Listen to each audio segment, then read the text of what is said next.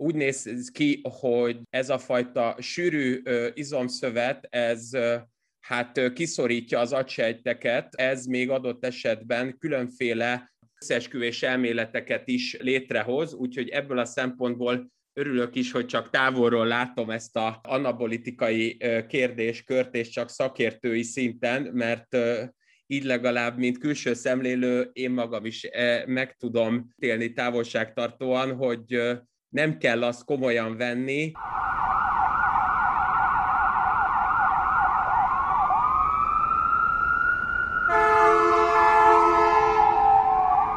Sziasztok, ez a Tango és Kes, Bezsenyi Tamás és Böcskei Balázs tovább a 24.hu bűnügyi podcastja. Először is hadd köszöntsem a Tango és Kes tartalomfejlesztési igazgatóját, aki zavarba fog jönni ettől a titulustól, Bezsenyi Tamást. Szervusz Tamásom! Szervusz! Előszeretettel beszélünk a harmadik Magyar Köztársaság ügyes-bajos dolgairól is, mint ahogy ma is fogjuk tenni, és akkoriban is nagyon nagy népszerűsége volt annak, amit talán ma is az állami szerveknél előfordul, hogy vannak olyan igazgató hatóságok, amelyek alatt az igazgatót leszámítva nincs teljes mértékben állomány.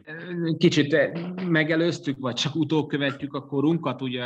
az ilyen különböző multis, vagy olyan fajta cégeknek, amiknek mindenképpen magyarországi vagy luxemburgi bejegyzése van, illetve ennek megfelelően ugye angol kifejezés van a, a cég nevében, és már az első gyakornok menedzser ként szerepel a hollapon, de nem elbagatelizálva a kérdéskört, azt tekint, abban a tekintetben, hogy nekünk is van egyébként egy kreatív menedzserünk, eddig nem beszéltünk a hallgatóknak egyébként német Szilviről, aki a tango és cash vizualitásáért, illetve a tartalom fejlesztésért, épp úgy, mint a tanás vagy kiegészítésért felelős, tehát nálunk rajtam kívül mindenki menedzser vagy igazgató, én meg csak itt ilyen moderátor vagyok, úgyhogy Tamás, csapjunk is bele a mai Akkor mutatványunkba. Ezek szerint mégis van állományunk, szürke állományunk a Szilvivel. E, azt hiszem, hogy elnézést kérünk a hallgatóktól ezektől a poénoktól, ezek nem bekészített poénok voltak, csak sok volt a heti hetes,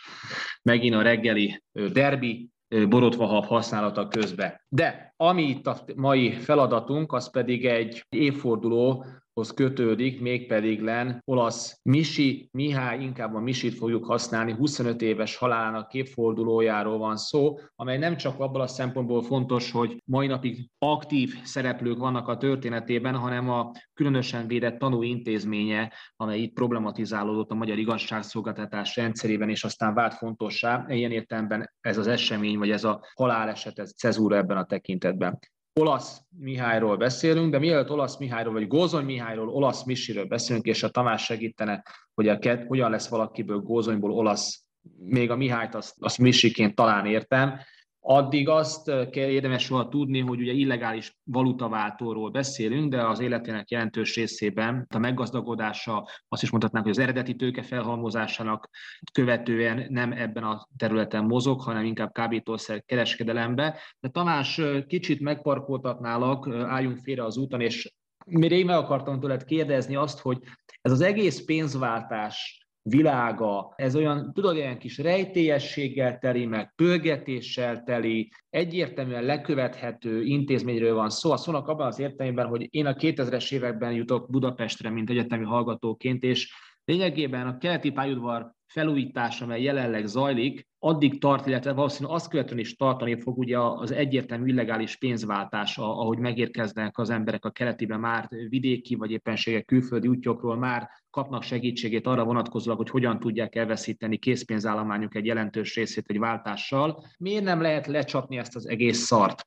Miért van az, hogy ebből meg lehet gazdagodni? Hogyan lehet ebből meggazdagodni? Az, hogy a Kádár rendszerben ennek volt értéke, ennek az egésznek ez oké, okay, de hogyan válik ez, a, ez még mindig egy olyan organikus, illegális tevékenységé, hogy korok jönnek, kormányok jönnek, rendőrségek jönnek, hogy is mondjam, kamerázások jönnek, és valahogy ez, a, ez az ipar, ez nem tud kopni. Azt mondanám, hogy egy új dukkózást, egy új árnyalatot kap, mert hogy az a fajta újra fazonírozása a valutaváltásnak, az valóban a 90-es évek elejére tehető, tehát pont amikor te mondjuk jössz föl Győrből, és ugye kényszerűen ilyenkor az ember nem tud nem a keleti pályaudvarnak valóban ezen óriási illegális pénzváltóinak a karjaiba érkezni. Az azért volt fontos, mert a szocialista időszakban létezett valuta gazdálkodás sértő bűncselekmény, az a 1993-ban a BTK-ban is megváltozik, és bűncselekményből azért lesz szabálysértés, hiszen a valutaváltás innentől kezdve, mármint elsősorban a rendszerváltástól kezdve, de ezzel a fajta leminősítéssel idézőjelbe véve egyértelműen megpróbálta a jogalkotó is jelezni, hogy hát már nem állami monopóliumról van szó, bárki létrehozhat olyan céget is, olyan, exchange-eket, olyan pénzváltó helyeket, amiket ugye ma is ismerünk, kék feliratokkal és sárga háttérrel. Természetesen attól függően, hogy a nyolcadik vagy adott esetben a Terézváros időszakára, illetve kerületeire fókuszálunk, akkor eltérő kezelési költséggel. Tehát, hogy mindenki megpróbálta a normakövető többség részéről azt alkalmazni, hogy hát ezt lehetne legálisan is csinálni. Mégis, ahogy te mondod, ez működött és az illegális vetületei nem olyan könnyen koptak ki. Leginkább azért egyébként, mert hogy ahogy más podcastjainkban talán már említettük ezt, azok a kereskedelmi bankok, akik egyébként papíron hitelkihelyezéseik révén ugye éppen megizmosodni, sőt egyáltalán létrejönni kívánó magyar piacgazdaságban a vállalkozói kedv megalapozására törekedtek, hát ők nem nagyon hittek mi magyar szellemi tőkénkbe, a magyar know-how-ba, Ellenberger már a 70-es évek különböző közelkeleti országokból először tanulmányi vízummal vagy egyéb más bingizéssel ide kerülő elsősorban és előszeretettel a, a korszak közvéleményében úgynevezett arab pénzváltóként azonosított személyek, viszont könnyebben adtak nem csak valutaváltás miatt, akár jó árfolyamon, lényegében pénzváltás révén nyugati valutát azoknak az embereknek, akik az éppen inflálódó magyar forintnak nem annyira hittek, hanem adott esetben kihelyeztek pénzeket is, tehát kölcsönöket is adtak, továbbá egyébként tartozások behajtásában is érdekeltek voltak. Tehát én azt mondanám, hogy inkább újra formalizálódott, újra alakult az, ami korábban tényleg a hiánygazdaság és a valutaészség miatt működött valutaváltókat jellemezte, és mégpedig azért alakult ez újjá, mert már ez a fajta ésség nem volt, Ellenberger az a fajta tőke szegénység az jellemezte azért természetesen a, nem csak a fővárosunkat, hanem az ország jelentős részét. Az, hogy miért a keleti pályaudvarnál voltak ők, az pedig inkább azt mondanám, hogy ahogy azt egy kortárs filozófus mondta, Mick Jagger, old habits die hard, tehát hogy ha már ugye ott voltak eleve a KGST piacok miatt a 70-es évek óta, akkor ott is maradtak, de lényegében már nem azért maradtak a keleti pályaudvarnál, hogy a Bécs felől jövő turistáknak váltsanak illegálisan, hanem egyáltalán azért voltak ott, mert már ott ismertek minden kajálóst, minden újságos standot, és természetesen az, akinek pénzre volt szüksége az inflációba menekülő magyar forinttal szemben, az nyugodtan ki tudott biciklizni a keleti pályaudvarra, vagy bármelyik másik nagyobb városi csomópontra. Értem, minden világos. Hát megnézzük, hogy a keleti pályaudvar felújítását követően mennyire fog ez a történet változni. Hát reméljük, hogy a hitelezési politikákkal foglalkozó parlamenti szabályozás, illetve a különböző bankok hallgatják a tangó és kest, és akkor együtt gondolkodnak velünk társadalmi értelemben és felelősségvállalás értelmében, mert nekem a tököm tele van azzal az egészen. Na, Ellenben van itt nekünk akkor Gozony Mihályunk, aki egy visszaeső bűnözés, bűnözőről beszélünk, csak hogy a hallgatók kedvéért mondjuk 23 éves versenyzőről szól a mai történetünk, és akinek tehát a Tamás által megénekelt illegális valutaváltással kezdi a karrierjét, de nem abban csontosodik meg, hanem sokkal inkább kábítószer kérdésében. Tamás, hogyan lesz Gózon Mihályból olasz Misi, és mit kell róla tudnunk túl azon e- ezeken a wikipédiás megjegyzéseimen túl. De Gózony Mihály egyébként egy nem rossz családból származik, ennyit talán azért elmondhatunk nyilván itt a családjának a védelmét föntartva, mert hogy egyébként ez az amúgy nem igazán magas, ám de mokány fellépésű fiú fiatalon is már testépítéssel foglalkozott, és egyébként óbudai illetékességű kollégáról van szó, aki pedig valóban az olasz misi ragadvány nevet nem csak hogy megkapta, hanem még ő maga is terjesztette és használta, hiszen olyan névjegykártyákat csinált saját maga számára, ha már ugye itt a, a valutaváltás és egyáltalán itt a hitelezési politikáról beszélünk, amelyen a következő szerepelt, olasz misi, alatta pedig nagyon szép kisebb kurzív betűkkel non-stop pénzváltó. Na most ez a megnevezés, hogy non-stop pénzváltó, ez egyszerre utal arra, hogy a, a kábítószer élvezetnek van az a, a foka, ahol teljes idézőjelbe lehet tenni már az alvás és a bármilyen remfázisokat. Ugyanakkor az olasz becenév az tovább módosult, mert sokan csak kisolaszként ismerték, részben a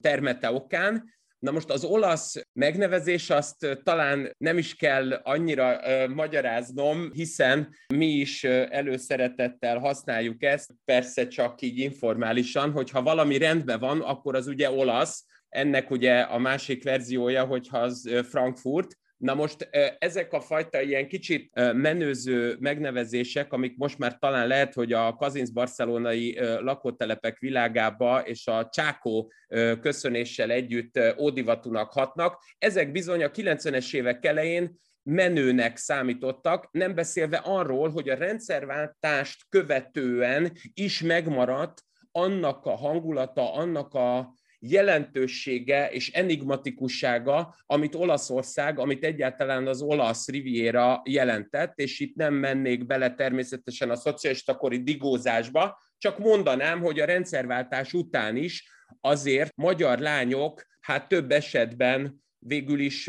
azzal szembesültek, hogy különböző olasz nagyvárosokban őket egyébként eredetileg valamilyen menedzseri vagy folyamatmenedzsmentben résztvevő titkárnői feladatokkal akarják megbízni, végül pedig félmeztelen konzumhölgyekként szeretnék alkalmazni az olasz munkáltatók. Tehát mondhatjuk azt, hogy az olasz kapcsolat, és ilyen értelemben az olasz közeghez való viszonyunk, az továbbra is hát jelentős, és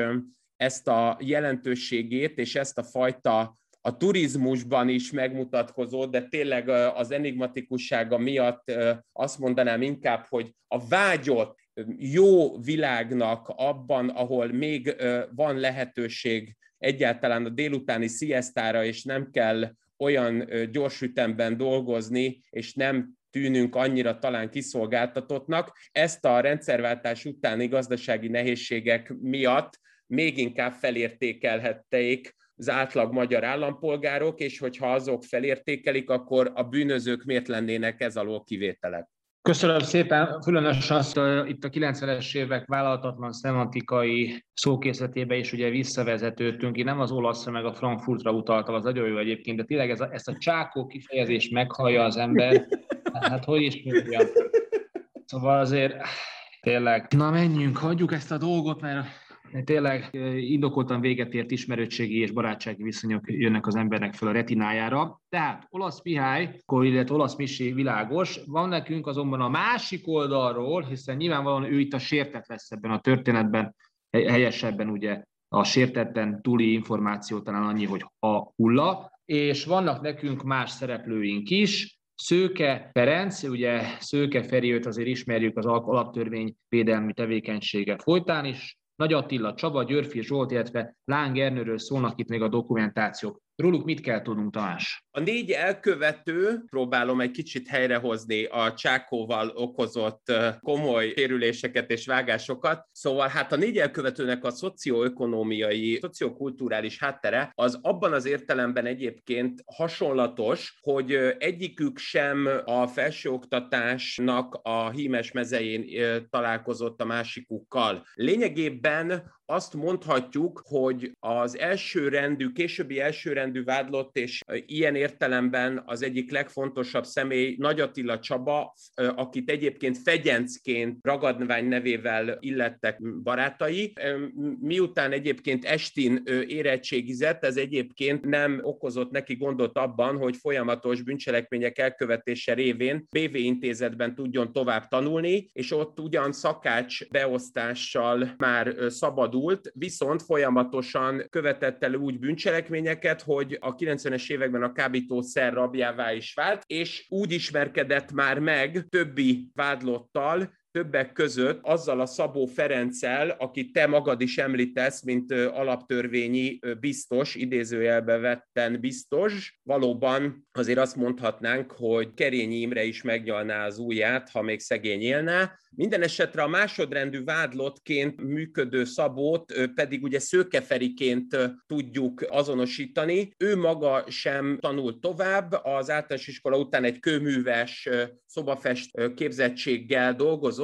ameddig szintén a rendszerváltás után egyértelműen nem kezdett el ő is kábítószerfogyasztóvá válni. Harmadrendű vádlott az pedig Györfi Zsolt, őt egyébként barátai csak Cigán Zsolt Zsoltiként azonosították. Ő is egy általános iskolai végzettséget követően a szobafestő tapétázó munkakörben próbált volna elhelyezkedni, ám ezt alapvetően nagyon gyorsan félbehagyta, és egyébként a korábban említett két emberhez hasonlóan mindenfelé lényegében az éjszakai élet presszóiban, szórakozó helyein különböző kidobó, portás feladatköröket végzett el, és hát talán már nem is kell a hallgatóknak és neked sem mondanom, hogy ami miatt ugye a kapcsolat szorossá vált a többiekkel, hogy ő is kokain, extazi és speed fogyasztóként avanzsált a rendszerváltás után. A negyedrendű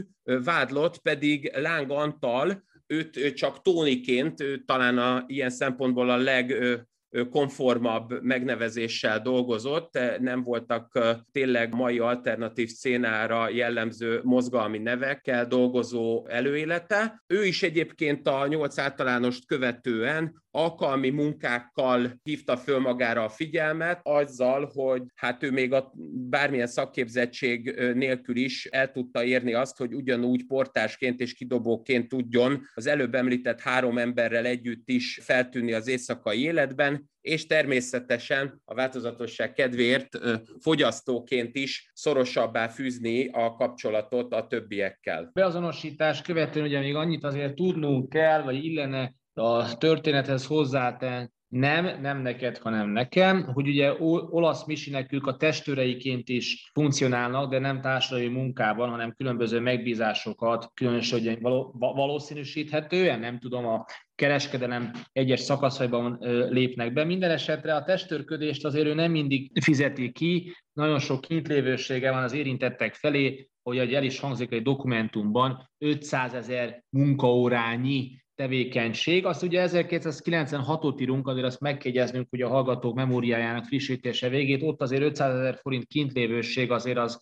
annyit is jelent, hogy kézzék akkor mennyi a bentlévőség, ugye olasz misinél, szóval eléggé jól uralja tulajdonképpen ő azt a területet, ahol mozog, komolyabb források felett diszponál. De hát ugye az ember mégiscsak kapzsi, meg hát ugye sokat olvassák ugye a vörös és feketét, szóval az emberek azért mennek tovább az úton, nyilván Gozon Mihály is fontos volt számára a francia irodalom, és így találkozik azzal az ötletével, hogy a parabolán nevű hormon készítményből amire ugye kap egy megkeresést azt illetően, hogy lehetne azzal egy kicsit ködni. Egy német állampolgárnak van egy erre vonatkozó pakja, amelyet értékesítene Magyarországon, a közvetítő, a Secret Barban, micsoda név, ugye? Secret Bar, ugye? Végül is ennél jobban nem nagyon lehet felhívni a figyelmet arra, hogy mikor maga is az ember nevezi arról a bárját, ami ott bent történik. Tehát a Secret Barban találkozik az emberrel, aki mögött a hormonkészítmény fölött ugye bírja a rendelkezést, és meg is egyeznek akkor a átvétel átadás kérdéséről. Ugye mondaná az ember, hogy hát itt parabolán hormonkészítményről van szó, nyilván a hallgatóink egy része az, az most teljesen kapufákat lövöldöz, hogy parabolán nevű hormonkészítményre minek egyáltalán rámenni. Ezres minős, ezres mennyiségbe, szóval nem azok az összegek, darabszámok, ami miatt ugye az ember úgy kockáztat, meg belemegy, de hát láthatóan úgy tűnik, mert majd ebből megcáfolsz, hogy, hogy ez a vadászó, halászó, gyűjtögető életmód a 90-es években azért pontosan azért sok ilyen lehajolás hozza ki az embereknek ugye a, a Mercedes-t, aminek az alja egészen a földig leér. Megegyezésre kerül, hogy akkor ez átadásra is kerül eznek, ezek a parabolán termékek. Gózony Mihály pedig megbízza embereit ezt a fajta adásvételt, helyesebben ugye inkább kajakra levételt, majd ezt kérlek azért szemantikailag, ha már mai nap adást ennek szentelted, majd bontsad is ki, lebonyolítsák, pedig len Budapest egy kevéssé frekventált helyén, majdnem a belvárosok a szélén, a stadion szállónál ugye zuglóban, és innentől kezdve átadom neked a történet fonalának tovább gondolítását. Fontos, hogy ezen Secret Bar úgy egyébként nightclubként is funkcionált, lényegében rakétával tudtak belőni, hanem egyéb más komolyabb személysérülést is folyamatosan előidéző vitarendezésre is lehetőséget teremtett ez a hely. Mindenfajta alvilági mediációs gyakorlatot azt itt tudtak egyébként úgy alkalmazni, hogy ebben a klasszikus amerikai módszerekkel nem feltétlenül kellett találkozniuk illetve egy más típusú módszerrel, egy más típusú lehetőséggel. Na most itt a Secret Barban egyébként 1996. júliusában találkozik Pistár Péterrel Gózony Mihály. Egyébként több alkalommal is italoznak, előszeretettel fogyasztják ott azért a likőröket, hogy hangulatba jöjjenek, és a Pistár által fölvetett német kapcsolat az azért fontos, mert ugyan azt mondod, hogy persze, hát ez a parabolán, ez nem feltétlenül az a termék, ami úgy magától a, az embernek ugye az eszébe jutna, mint valami olyan érdekesség, amire mindenképpen szert kéne tenni, ha lehetőség van rá. Ugyanakkor ez egy olyan anabolitikus szteroid, amit korábbi években, tehát még a 80-as évektől kezdődően egy francia cég gyártott, egy Negma nevű cég, amelyet aztán, amelynek aztán a termékét kivonták a forgalomból, és egészen csak 97-ig lehetett ezt alkalmazni, nem véletlenül, hiszen ez, mint anabolitikus szteroid, egy olyan trembolon származék volt, aminek most itt nem mennék bele a részleteibe, de azon gyurmázgató szakreferensek biztos talán emlékeznek, hogy ugye ennek volt a leghosszabb a felezési ideje, tehát magyarán szólva, hogyha ezt a, az egyébként kicsit fehéres, sárgás anyagot használta az ember, akkor a vázizomzat és izomnövekedésnek az egyik legjobb formálására, vagy leggyorsabb formálására volt lehetősége, ami természetesen egyébként később életveszélyes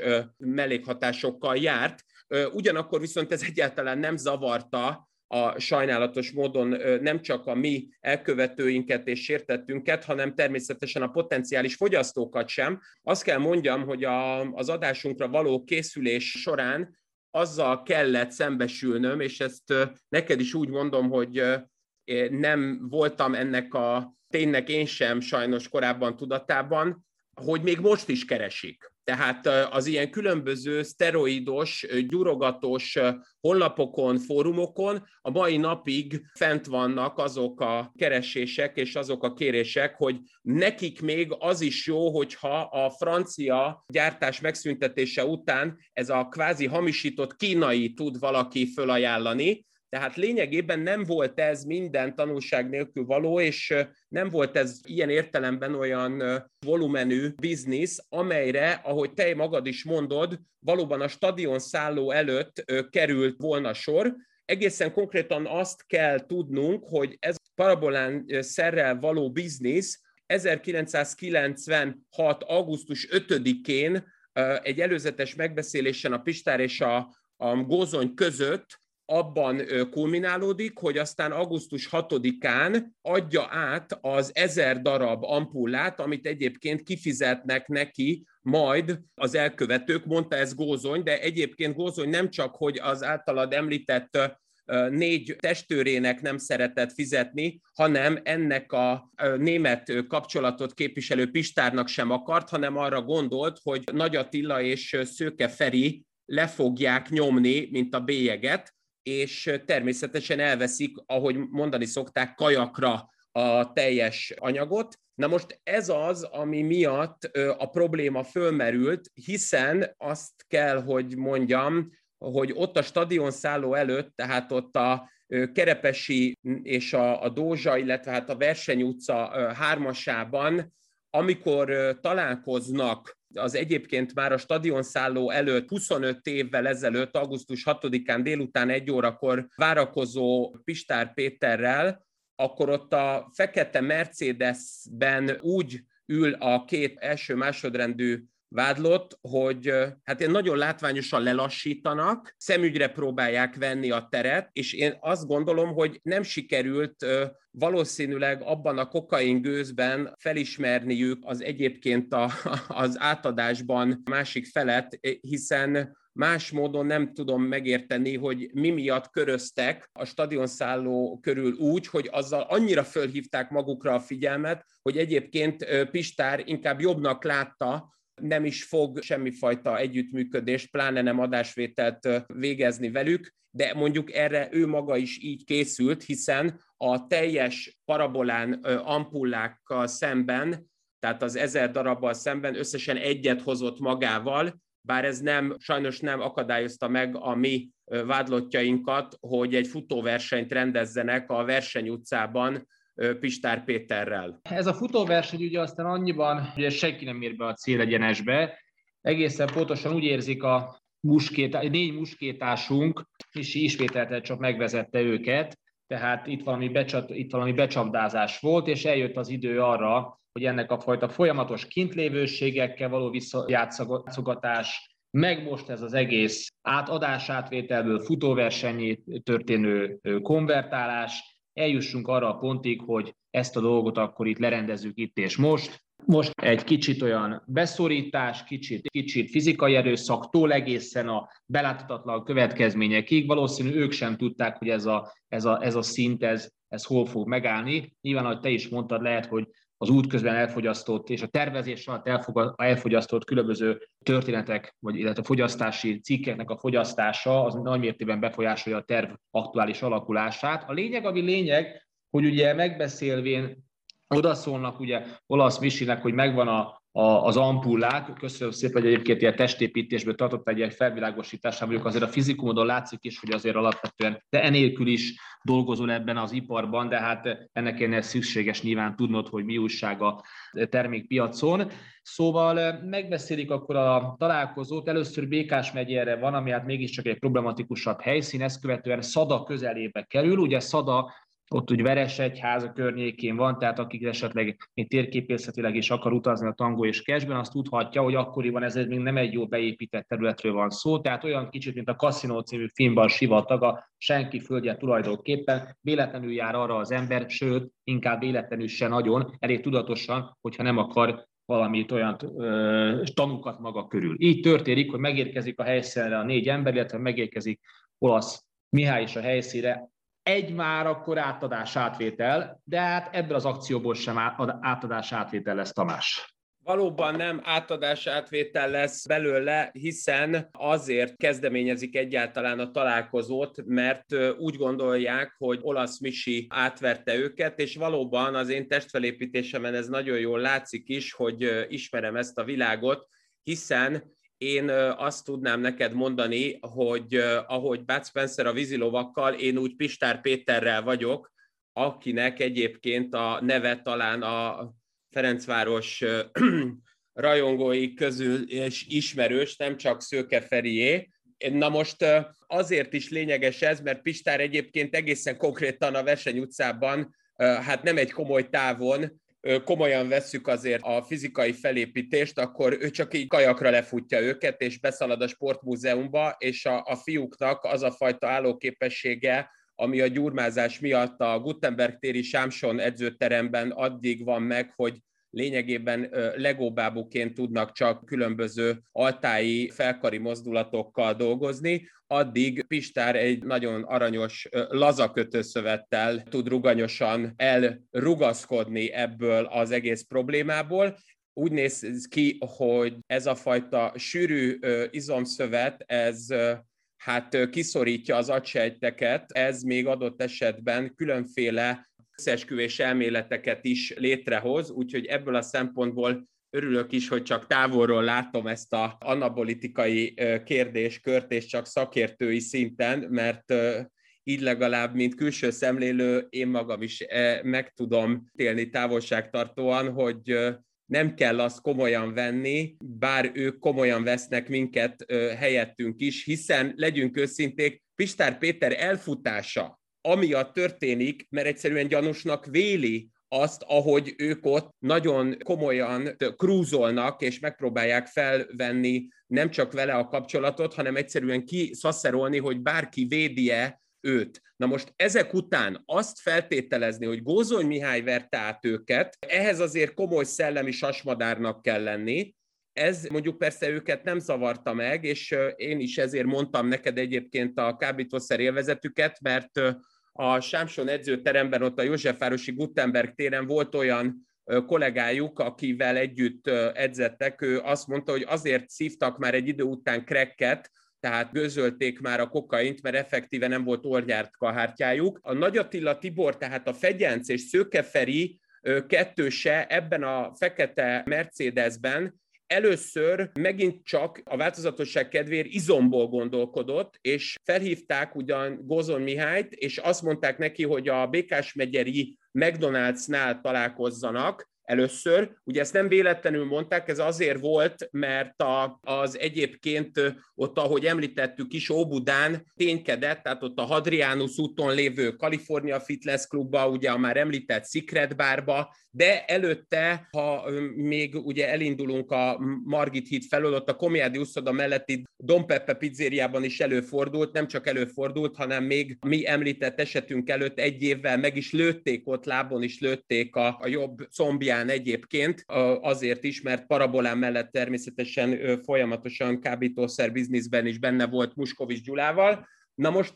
ott me- leszervezik a, a találkozót, majd elindulnak a Békás megyeri McDonald's felé, és hogy, hogy nem, valahogy szöget üt a buksiukban, szöget üt a fejükben, hogy ha ők ott most valahogy számon fogják kérni gózonyt, az talán nem jó, mert mégis ez egy városi környezet, nagyon gyorsan bárki ezt hát jelentheti a rendőrségnek. Úgyhogy újra hívják a gozonyt, és már megbeszélik az általad említett kinti, tehát Gödöl fölött Szadánál, egyébként a, a Szada és Magyarod közötti földúton azt a találkozót, amelybe Gózony ugyanúgy belemegy, de Pistárhoz hasonlóan, mivel nem feltétlenül van akkora karja, viszont ahogy látható, az agya az viszont ezen fiúknak a felkarjával megegyező, ezért sejti, hogy már para lesz, úgyhogy eleve úgy megy oda az ezüst Dodge Avengerével, hogy előtte a kocsiba elrejti nem csak a Rolex 750-es óráját, nem csak a több százezer forintnyi pénzét és német márkáját, hanem a baraka típusú arany nyakláncát, karláncát is, és igazából a kis mindig nála lévő övtatyiba, övtatyiával együtt halad feléjük, amiben ugye kábítószer van, az természetesen magánál tartja, hiszen tudja, hogy ha valamivel, akkor ez lesz az egyetlen, amivel le fogja őket tudni kenyerezni. Miközben egyébként a fickók lényegében egyfajta így a tevékenység közben jönnek rá, hogy meg kéne szervezni ezt a nem is leszámolásnak induló, hanem inkább befenyítésnek kezdődő tevékenységet, ezért fölhívják egyébként a Sámson edzőteremben éppen akkor ténykedő Györfi Zsoltot és a, a Láng Tónit, akik pedig bevágják magukat a kis Volkswagenükbe, és mennek utánuk. Egyébként meg is állnak a Mercedes mögött, és ugye találkoznak Gózony Mihályjal, akire egyébként egy Browning típusú 765-ös marok lőfegyvert rá is fognak, az úgynevezett albán módszert alkalmazzák, amennyiben ebben az időszakban már, ahogy az több felrobbantott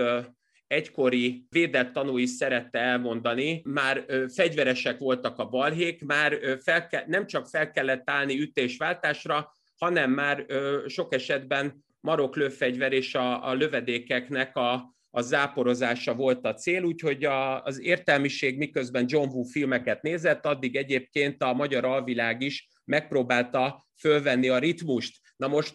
ez az albán módszer, ez azt jelenti, ami történt, hogy Nagy Attila hasba lőtte gózonyt, ez a, az albán módszer és ez a hasba lövés, ez lényegében azért volt egy bejáratott szokás, mert ezzel nem azt akarták elérni, hogy meghalljon, hanem azt akarták elérni, hogy olyan komoly fájdalmat és olyan komoly jelzést adjanak neki, olyan komoly kényszerítő erővel lépjenek föl vele szemben, hogy ezt követően átadja az összes értékét, amit ugye előtte természetesen jó érzékkel egyrészt elrejtett gózony, másrészt pedig természetesen a, a saját obudai apartmantjában lévő értékekhez sem segítette őket hozzáférni, mert hogy egyébként ez a kis mokán gyerek az igazán bátran viselkedett, legalábbis így utólagos tudomásunk szerint, nyilván ebben nem csak az elkövetőknek az akkori véleménye volt a döntő, hanem a, későbbi, amikor már ugye több évet googoltak, az pedig az volt, hogy a hasba lövés után azt mondta, hogy akkor gyerekek, akkor, akkor kapjatok szét, és igazából emiatt berágtak az elkövetők feltehetően, emiatt tették be a Mercedesbe, tették be a gépkocsiba, és vitték sokkal kijebb, tehát legalább fél kilométerrel kijebb a, a földúton, hogy ott pedig adott esetben már akár a hát az életének a kioltásába is belenyugodjanak, vagy még inkább egyenes szándékkal azt megvalósítsák. És amikor Értem. meg ez megtörténik, akkor ő, annyi a fontos, hogy akkor Györfi Zsolt veszi át a fegyvert, és ő fejbe lövi, és annyit ő, üvölt állítólag, hogy halljál meg. És ez végül is, mint egy nagyon komoly parancsolat sikerül is. Megint behoztad a 90-es éveket, csak most nem a, a csákó, csákó, és akkor valaki hozzáteszi talán azt, hogy csákó, brékó, ugye? Vannak ezek az emberek is. Ugye ismered ezt a típust? Én nem is tudom, hogy mire gondolsz. Én már... Igen, igen. Tehát, tehát igen, ő, ő, ő, ők, azok gondolkozom, hogy ők azok a típusok, akiket soha nem hívták meg gyerekkorukban a születésnapi zsúrokra, vagy mindegyikre meg. De egy-egy csákobrékó, szevasz, szóval mindegy, de ugye, és behozta egy másik 90-es éveket is, ugye az övtáskát, ugye azért az mégiscsak azért, ez, amit ugye nem tud megrajzolni a Netflix érted, szóval ez, amit azért ott lehet, lehet Amerikába, ott, izé, ott minden van, kaszinó, meg hogyan tudod, a, és tényleg magyar mafiózók mégiscsak azt, azt gyakorolták, hogy hogyan tudják úgy a fogpiszkálót mozgatni, mint a Joe Pesci, meg hogyan tudod úgy lehúzni az órodra a napszemüveget, hogy az még mindig a szemeden van igazából, mint Robert De Niro, de azért csinálja utána Amerika a hálós atléta, vagy egy rózsaszíning, egy kicsit diszkréten kigombolva a Mercedes jel benne a nyakadban, egy kisebb, egy kondicipő mondjuk ugye, neked van először ott a, ott a mafiózók között zselétalpas, öcsém, zselétalpas. Ugyanaz a zselé van, ami benne a fejeden van egyébként egy kicsit, még ez egyébként nem mered mondani a többieknek, hogy ez velmetina zselé, tehát hogy ez egyébként ez tapad, mint az őrült, ez fe, az fekve is úgy marad, de azt mondod nekik amerikai zselé, hello, és ekközben egy, egy övtáska, ugye, egy, egy diszkrét övtáska, ami nem is oldalra van téve, vagy mint a biciklisek, ugye itt a bicikli forradalom közepette, hogy én hátra van helyezve, hanem a fenéket küszköd az ágyék és a has közötti teret próbálja befoglalni, és minden egyes lépésnél újra és újra ezekkel az elemekkel, mi szerint ugye ágyék, illetve ami, ami benne van, vagy fölötte, azt ugye nem tudom, meg ugye van a has, és folyamatos küzdelem, hogy ez mind esztétikailag, mind pedig fizikailag tartós legyen, mert ez ugye egyébként tele van azokkal a készpénzekkel, amik ugye össze vannak fogva hiszen ezt viszont már láttuk a filmekben, hogy össze kell csipetelni ugye a bankjegyeket, és mutatván, hogy, hogy, ez így, hogy, hogy itt azért van, van, van koránkelés, illetve későn fekvés. Jó mondom, Tamás, hogy ez divatilag így nézett ki a korban? Nem csak, hogy így nézett ki, hanem én is azt gondolom, hogy ebben az értelemben a hasi-tasi fogalmát is érdemes beemelnünk, ha már ugye beszélsz az övtáskáról, hiszen így hasi-tasiként igazán androgyn jelleget ölt az, ami egyszerre a Vénuszdomb elfedésére és valami fajta mellékheregyulladás vagy heresérv működést is, illetve legalábbis annak a kanóit és buckáit tudja megmutatni a övtáska formájában de természetesen azért azt sem szabad elfelejteni, ha már ezt mondtad, hogy akkor annyit hozzátennék, hogy ám Olasz Misi azon ékszereit, amit ugye előzetesen levett, az a baraka típusú arany nyaklánc és karkötő, arról csak azért ki kéne emelnünk akkor, ha már így beszélünk erről, hogy amúgy a nyaklánc az 75 centi hosszú volt, miközben a karlánc 25 centi. A holttestet 96. augusztus 6-án 17.50-kor egy szadai lakos fedezi fel, Veresegyházi rendőrösnek jelentik, a folyamatot, kimennek a helyszínre, szükséges intézkedés. Az elkövetőink egy része egy, egy idő után a Tiszánál van, picit kipihenni ezeket izgalmakat, a továbbiak Györfi Zsolt, illetve Lángantal Ernő Budapesten, illetve Sziget-Szent Miklóson húzza meg magát. Na most ugye, ami az érdekes a történetben talán az, hogy az, pont ezért hangsúlyoztuk, hogy ez még a beépítések előtti korszakról van szó, tehát olyan sok tanú nem lehetett a helyszínen vagy a helyszín közelébe, mondhatnánk azt is, hogy nulla. Az más kérés, ugye, hogy a telefon hívások alapján tökéletesen beazonosítható volt a rendőrség számára, hogy melyik az a kör, ahonnan érdemes ugye elindulni, illetve rajta maradni, és hát akkor meg is kezdődik ugye a nyomozati munka, aminek eredőjeként ezek a szereplők kerülnek kibehallgatásra, vallomástétel, vallomás visszavonás, ezzel ne foglalkozunk még ebben a körben, hanem csak abban, hogy tulajdonképpen keresztül kasul mennek a történetek, és elkövetik azt a hibát is, ami számomra, itt majd azért neked azért egy kicsit hozzá kell tenned egy-két gondolatot ehhez, hogy egy cellába kerülnek a vádlottak a BV intézetben, tehát a besegítést is megtették azért, amennyire lehetett, hogy az összebeszélés meg a nyomozati munka az, az még kínosabb és keservesebb legyen. Szóval össze-vissza vallanak egymás adott esetben, az is előfordul. Egy a lényeg, a rendőrség számára nem egyértelmű, hiszen nem lehet beazonosítani, hogy ki is az, aki lőtt. Ki volt, ki volt maga a gyilkos tulajdonképpen. Ki, mondjuk, mondhatjuk itt már mondjuk egy kicsit megelőlegeztél történeti morzsákat, hogy halljál már meg címszóval lövöldözik, és ennek megfelelően hát ugye ott a rendőrség áll, és, a, és az ügyészség áll, telnek, múlnak az évek, 2000 hoz egy fordulatot ebbe a történetbe. Ügyészség, a rendőrség ilyenkor áll, és mivel tudod, hogy imádom Bödöcs Tibit fölhozni, hát itt is ezt tudom mondani, mert az ilyen ügyekben lényegében a magyar királyi rendőrség is sajnos úgy tud működni, ahogy a Bucsú Szent Lászlóról fővárosban meg, megjelenő és feljáró kollega mondta azt, hogy hát a MÁV alkalmazottak is mindig azt mondták, nem megy a vonat, hát ugye állunk, várunk, a vonat nem velem megy, tehát ilyen értelemben ez a fajta rátekintés, ez a fajta ilyen mégiscsak valami fajta patópál urasság, az azért nem feltétlenül a butasság és a szervezeti közöny része, hanem valamilyen tudatos kivárási technika, mert bizony, ahogy te magad is mondtad, a helyszínen nem lehetett, és hát ennyiben legalább azért sikerült, legalább útközben Óbuda felé, kifelé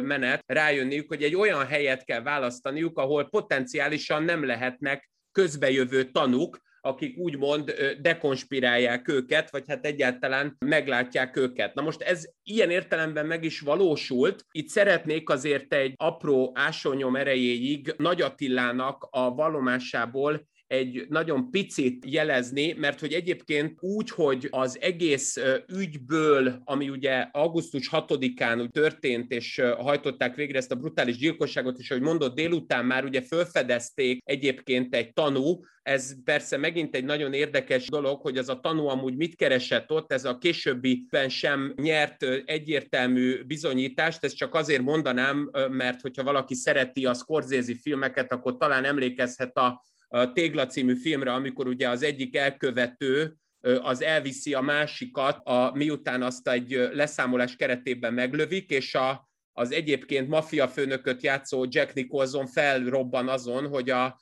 buta elkövető beosztottja azt mondja, hogy hát nem hiszem el, valaki méteres sárban sétáltatja a kutyáját, hogy vették észre ilyen gyorsan a holttestet? És akkor mondta a maffia főnök, hogy ha el kell rejteni valakit, akkor rejtsd el, ne pedig valami olyan helyre, ahova valaki, hát mondjuk úgy, hogy felláció céljából jár ki. Na, ugyanilyen alapon nyilván nem véletlenül nem horzsolták föl a hatóságok sem, hogy az az adott személy miért is lehetett ott, de mondjuk úgy, hogy a fagyi gyárnak egy eddig még nem ismert telephelyét akarta kijelölni, mert hogy Szadán ugye ilyen is van. Na most az első tanúvallomásnak is behillő, de valójában egyébként már a saját terheltségükkel azért kacérkodó vallomások, tehát az első olyan érdemleges vallomás, amit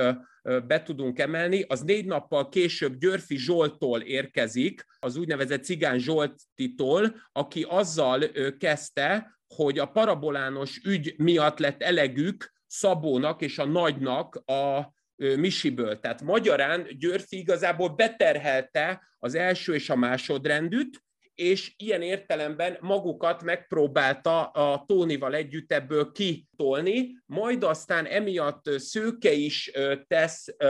később visszavont vallomásokat, és végül Nagy Attila az első rendű jelzi azt ezek okán, hogy akkor ő is fog egy feltáró jellegű vallomást tenni, ám erre egyébként 97. június 5-ig várni kell, tehát azért szűk egy évig azért várakoztatja nem csak a, a gépírókat, hanem nyilván a nyomozókat is. Ugyanakkor, miután már elszánja magát, akkor olyanokat állít, hogy ebben a szakmában mindenki mindennel foglalkozik, ami jön. Például el kell hozni egy csomagot. Az ember ilyenkor nem kérdez, nem hall, nem lát. És ezért esetenként kap 200 ezer forintot. Ugye ez azért nem lényegtelen, mert ha már itt különböző 90-es évekbeli popkulturális utalásokat tettünk, akkor még egy valamivel szeretném az Aksidra a villáskulcsot föltenni. Talán emlékszel a Hollywoodú nevű együttesre, amelynek az Erdő című száma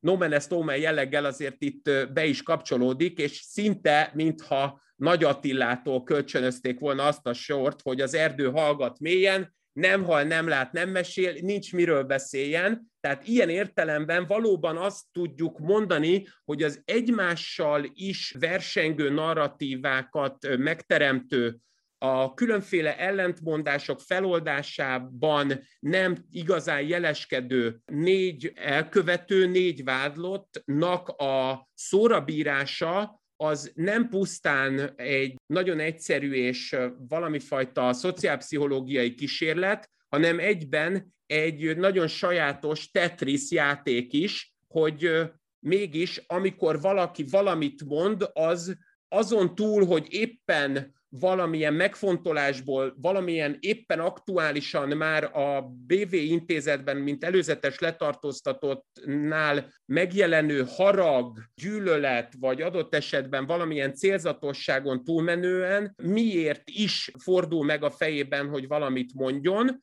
és abból egyáltalán mennyi az igaz. Tehát itt mindig azzal is kell számolnia sajnos a nyomozóknak, hogy amit ilyenkor feltáró jelleggel a nyomozás első vagy második felében mondanak egyébként ezek a jóképűek, azok soha nem száz százalékban lesznek igazak, hanem mindig mondjuk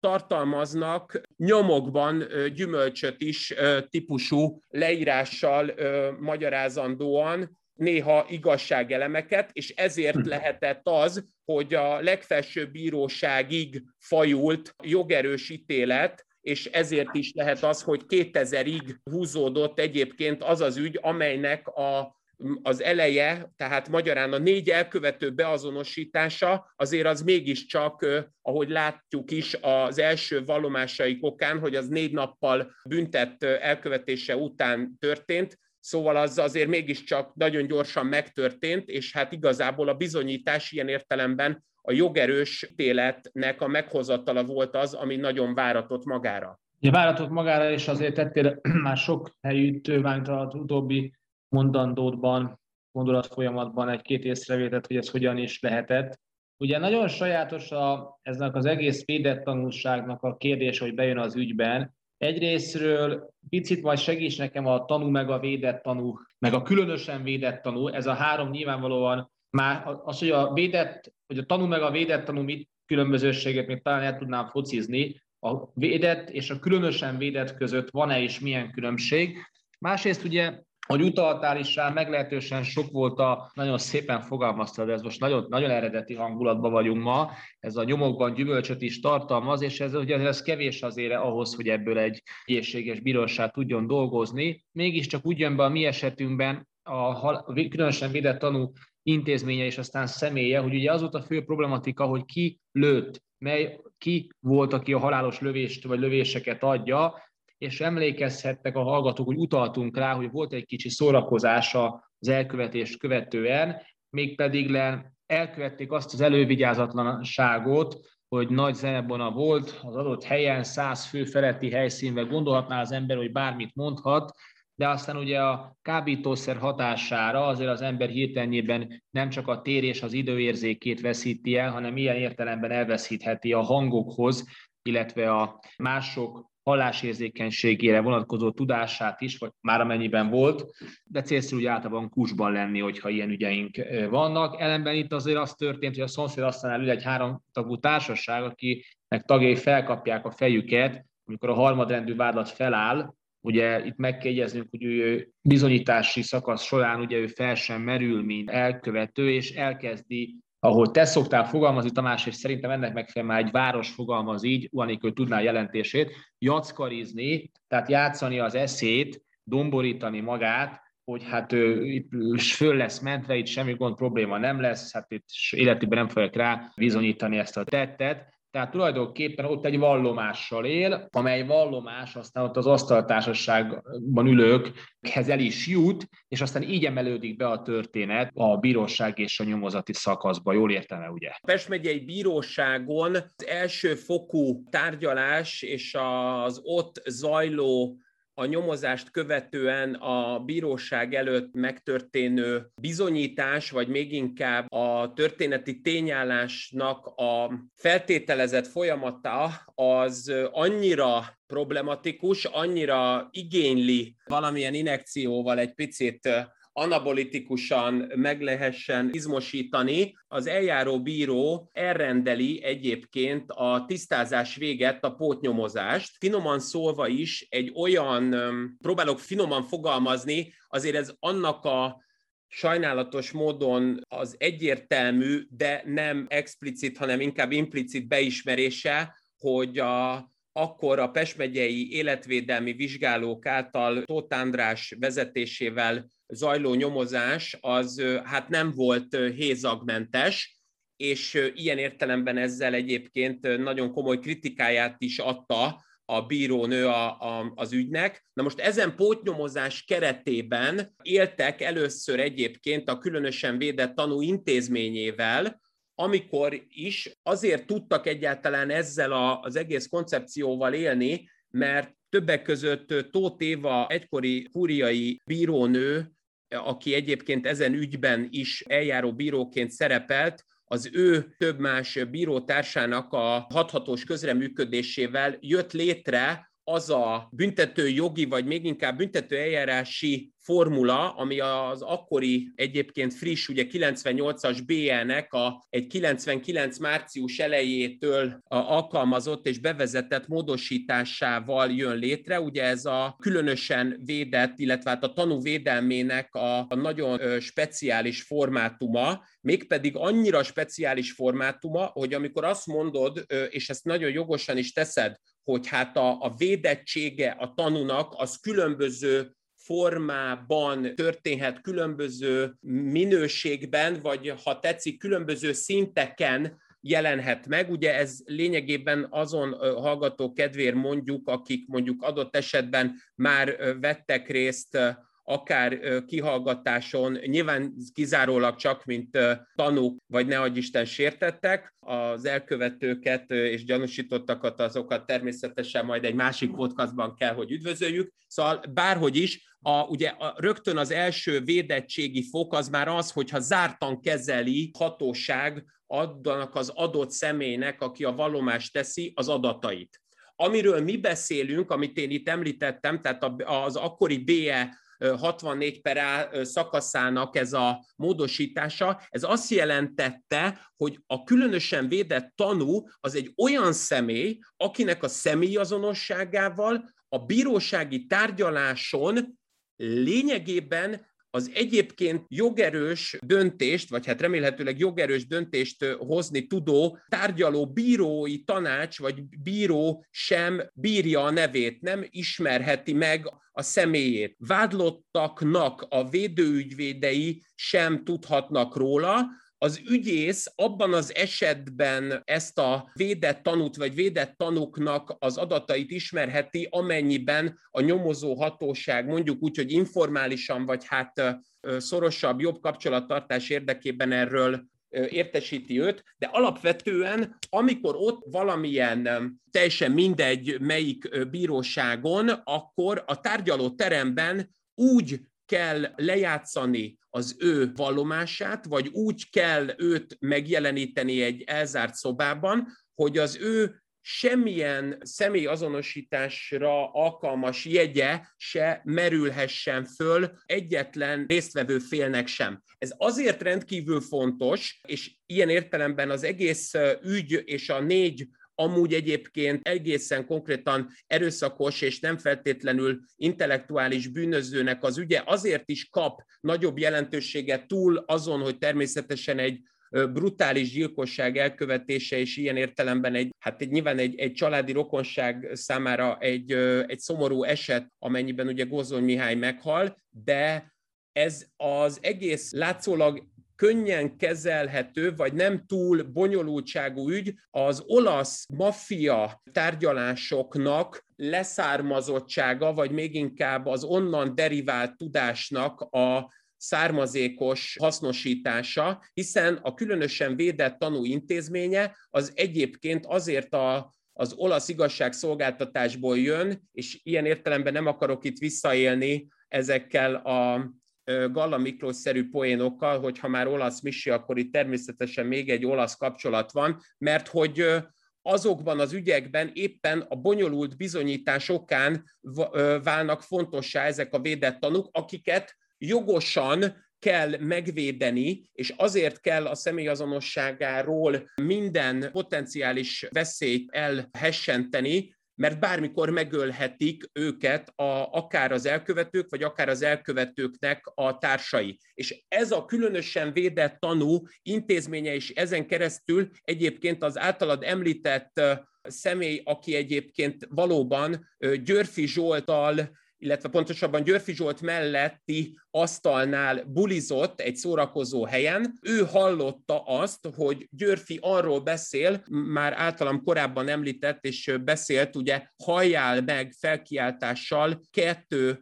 egyébként fejlövésnek a leadását, azt végezte, ő hajtotta végre, és nem csak ezt mondta el a különösen védett tanú hallatára, hanem egyébként arról is bizonyságot tett a saját barátai számára, akik előtt egyébként természetesen kávítószeres hatás alatt amúgy pici jackarizással megpróbálta megmutatni, hogy ő egyébként keménytökű gyerek, hogy sajnálja is, hogy Szabó Feri, tehát a Szőke Feri, az helyette ül. És ebből a szempontból lesz jelentősége, és vált jelentőssé az, amit beszéltünk, hogy ugye a Mercedesben ülő első és másodrendű vádlott, tehát a Fegyenc becenevű Nagy Attila és a Szőke Feri mellett ugye a Sámson edzőteremből Cigán Zsolti és Tóni jönnek, és követik a társaikat, mert hogy őket így a különösen védett tanú révén lehetett beemelni az eljárásba, és ilyen értelemben jogerősen tisztázni úgy az ügyet, hogy végül Nagy Attillát, aki hasba lőtte, Györfi Zsoltot a fejbe lőtte, életfogytiglani szabadságvesztésre tudták ítélni, miközben Szőke Feri 14 évet kapott, Láng Antal pedig 7 évvel tudott dolgozni a legfelsőbb bíróság jogerősítélete szerint. Világos letette ezt a különösen védett tanúintézményét. Egyébként, hogy egy lakosságival fejezzük be itt a, a nyári adásunkat, hogy tudod, van ez az állandó félelem, hogy most akkor tanúskodjunk, ne tanúskodjunk, röhelytöd, amikor összeesik egy ember az utcán, és hopp, már mindjárt félre is kaptam a fejemet, pedig csak annyi történt, hogy nem tudom, nem kívánt szívinfarktus, vagy általános rossz tehát az emberek így fosnak attól, hogy nem hogy a nagyobb, de a kisebb rendű dologba is ugye megvédjék magukat, és a minap éppen ugye beszélgettünk már erről a nem olyan rég készült prostitúció kutatásban az emberek egy nem kis része azt mondta, hogy hogyha a szomszédjában egy futtató lakna, akkor azt jelenteni a hatóságnak. Hát itt van előtt, ugye ez a bátorság. Tehát látod ezeket a lelki szemeidre, ezekkel a forró vonalakat, hogy ezek így történnek, meg történtek itt az elmúlt időszakban. Ugye egy futatót fölismerni mondjuk Budapest bizonyosabb, mondjuk 8. keleti részén, ugye az alapvetően nem, nem igényel különösen, hogy is mondjam, látásgyakorlatokat. Tehát az egy ilyen Oké, okay, hogy már ugye a futtatók nem úgy néznek ki, mint a hasitas időszak, tehát szép volt ez a fogalmiságod, amit ugye behoztál ide, de azért, hogy is mondja, ha van egy kis gömbérzéke az embernek, akkor azért úgy le tudja fogni a, a tevékenység körét a környezetében lakóknak, különösen, hogyha az a szociológiai szakirodalmi szerint devianciás tevékenységet folytat. Ami a lényeg, mi szerint bízhatod-e a lakosokat, hogy tanulnak, akár kerékpárbalesetek esetében, akár komolyabb elkövetések esetén nyugodtan forduljanak a rendőrséghez, vegyenek részt ebbe a programba. Van-e, van-e ez az intézményi bizalom, ez megalapozott-e a rendőrség, illetve a nyomozók, vagy a nyomozásban résztvevők felé, vagy azt kell mondanod, hogy kellő körültekintéssel járjon el mindenki, amikor elindul állampolgári attitűdjéből túlfűtve, hogy akkor ő most segítségére lesz az ügy megoldásának. Hát elsősorban azt ö, szeretném ez ügyben mondani, hogy inkább nevezzél akkor tartalomfejlesztési igazgatónak, mint hogy ilyen kérdéseket teszel föl, úgyhogy inkább maradok akkor viszont a, a, csak hogy az adás elején lévő mert ugye keretes szerkezettel dolgozunk, ugye Hagelmeier úr ennek még korán sincs vége, minden mindennel összefügg. Értem a, a célzást, eh, ahogy mondani szokták a viccben, Mm, természetesen nem haszontalan, de abban az esetben van célja, értelme, hogyha ezért anyagi jóvátételre vagy a biztosító felé le kell adnia valamilyen dokumentációt, máskülönben nem vagyok feltétlenül benne biztos, hogy hézagmentesen ezt úgy meg tudjuk hát adni a, azt, ami a királyé, mert, uh, nem mert... fogsz megsértődni. Nagyon, nagyon a, a, a kérdésedot választ, azt annak a szellemében válaszolod, tehát nagyon jó eddig. Voltak értékelhető pillanatai. A hallgató kedvéért mondjuk, de ezt, ezt nem fogjuk kiválni. Tehát tudom, amikor a heti hetes legjobb poénjai az, amikor azon poén, poénkodnak, hogy ezt ki fogjuk vágni, és direkt bent hagyják, és marhára örülnek, mert tudják, hogy, hogy nem fogják kivágni, és mennyire szarpoly lesz ez tíz év múlva. Tehát ezt fogjuk, mi ezt most bent hagyjuk ezt a részt, amikor a Tamás válaszol egy olyan kérdésre, amire mondta, hogy ne, nagyon nehéz neki válaszolni, mert egyszerre két lovon kellene ülni, mert egyik sem halad. Tessék! és akkor így egyébként legalább nem csak a tartalomfejlesztési vonalat, hanem ugye az általad még a, a, az adás elején a, a borotva hab kapcsán említett heti hetest is ugye visszahozzuk, amikor Kern András ugye mindig mondta, hogy hát egyébként ezeket a hibákat szeretik benne hagyni, valóban benne is kell hagyni, mert nem is szabad a szottalelási nehézségeimet elkendőznünk, azt gondolom, hogy lehet, hogy többen lesznek a hallgatók közül, akiknek ezt jobban fog tetszeni, mint az egyébként látszólag lehengerlő és soha véget nem érő monológaim, de valóban nagyon jól észrevetted, hogy hát ahogy az osztályfőnök szeretné mondani, ugye a Dakota közmondásoknál, hogy hát hogyha a lovad már meghalt, elpusztult, akkor le kell róla szállni. Na most itt természetesen nem kell leszállni róla, mert hála jó Istennek ez a két ló, amiről beszélünk, ez hintaló, úgyhogy megpróbálom egy picit így bemozgatni magam. Lényegében azt szeretném mondani, hogy természetesen a különösen védett tanú intézménye az most minden korábbi viccénket félretéve egy tényleg nagyon komoly és egy olyan jogintézmény, amely nagyon sok komoly bűnügynek a kulcsául szolgált, a kulcsát adta, és a, annak a lehetőségét, hogy olyan elkövetésekre is végül rákerüljön a pecsét, ami nem tűnt oly könnyűnek vagy egyszerűnek a nyomozás adott szakaszában, vagy akár még a vádemelés elején. Ezzel együtt én azért vagyok egy picit óckodó és nehezen fogalmazó, mert nagyon sok csibésszel is interjúzunk, ugye nem csak rendőrtisztekkel, és hát elő-elő fordul egyébként, hogy vannak olyan különösen védett tanúk, nem is kevés esetben, akik egyébként az adott ügyben amúgy az elkövetőnek valamilyen társaként funkcionálnak, tehát szintén terheltek is, és ilyen értelemben az ő különösen védettségük mivel közben a BV-ben élik napjaikat, ezért eléggé kevéssé tudja megőrizni az anonimitásukat. Így igazából azt gondolom, hogy az a rendkívüli nagy és tényleg bokros és, és gyönyörű, virágos jövőkép, amiről gondolkodnánk a különösen védett tanú alapján, azzal kapcsolatban én egy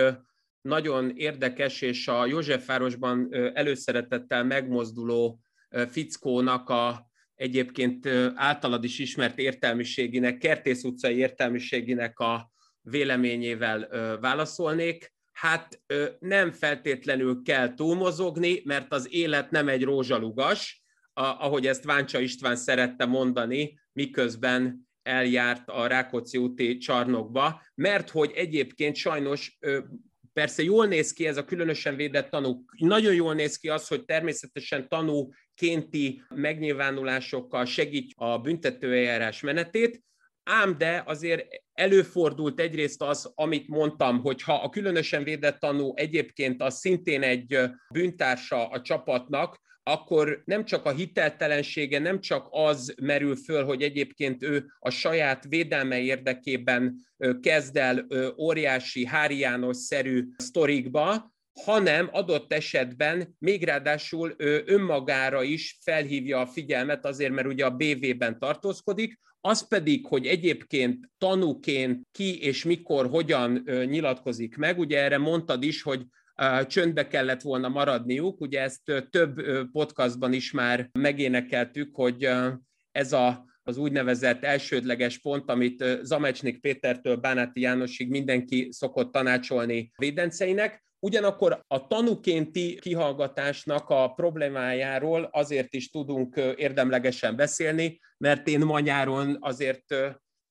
tudtam egy olyan balesetben részt venni, amelyben nem sikerült lelépnem a, még az úttestre sem, ennek ellenére egy gépjárműnek sikerült felhajtania, és hát ott például... Ezen a ponton Tamás ragadjuk meg az alkalmat, hogy a Patreonunkat népszerűsítsük, hogy a Tamások a kórházi kezelését, a különböző fájdalomcsillapítókat, illetve egyéb más gyógyászati segélyeszközöket be tudjuk szerezni. Tehát a szív, a szív azért szakadjon meg egy-egy utalás formájában. Nagyon szépen köszönöm, és valóban igen, emiatt akartam mondani, hogy hát ott is az ember ugye rákényszerül arra, hogy vallomást tegyen, és akkor megmondanám, inkább azzal mozognék ki, illetve pontosabban azzal adnék egy ilyen Mátyás királyi hoztam is ajándékot is, meg nem is választ, hogy például ezen baleset esetén nekem muszáj bemennem vallomást tenni, mivel a, az egyébként velem együtt szabályszerűleg közlekedő külföldi állampolgár, az ugye, mivel bántalmazta a gépjárművet, ahogy ez a hivatalos iratokban is szerepel, az én védelmemben és az én érdekemben, ezért akkor is kell vallomást tennem, ha nem akarok. Úgyhogy egy ilyen picit talán Balázs Fecós dalszöveggel tudok így válaszolni, ha ez talán elfogadható neked. Nekem minden elfogadható, és lényegében egy szénét popkulturális utalásokkal a 90-es évek vállalhatatlan divat kultúrájával, teriterhelt adással kell, hogy elbúcsúzzunk a hallgatókról. Nekem minden megfelel, hogy lezártad, de hogy már egy kicsit cinkeljelek egyébként, azt hozzá kell tenni a hallgatók kedvére, ugye Tamás itt, itt kidomborítja magát, hogy ilyen, meg olyan, meg olyan emberekkel csinálja az interjúkat. Croissantért ment le reggel. Ennek meg, ez Ennek így is van. Mindenki, mindenki mérje meg úgy ezt az elmúlt 50 percet, hogy itt azt a nagy dolgok történtek. Vaj, remélem, hogy vajas vagy csokis. Tomikám, el sem mond, jó? Nem ránk tartozik. Arra biztatnám a hallgatókat, hogy a Patreon oldalunkon megtaláltok bennünket, vagy Patreon, attól függ, hogy kinek honnan jönnek az utalások, és számítunk rátok, hogy továbbra is tudunk ilyen ügyeket hozni, mert most is kicsit kellett azért kukáznunk, mire rendszerbe láttuk ezt a 25 évvel ezelőtti esetet. Ott vagyunk a Facebookon, picit szüneteltetjük a sétákat, nyár van, éget a nap. Tamás, ne folytasd ezt a dalt, ne folytasd, azt szeretném kérni azért a búcsúzásnál, és ősztől viszont azok is a forma bontó és az ismert formában működnek majd meg annyi meglepetéssel. Részemről Böcskei Balázs voltam, átadom a szót a köszönés erejéig. Szervusztok!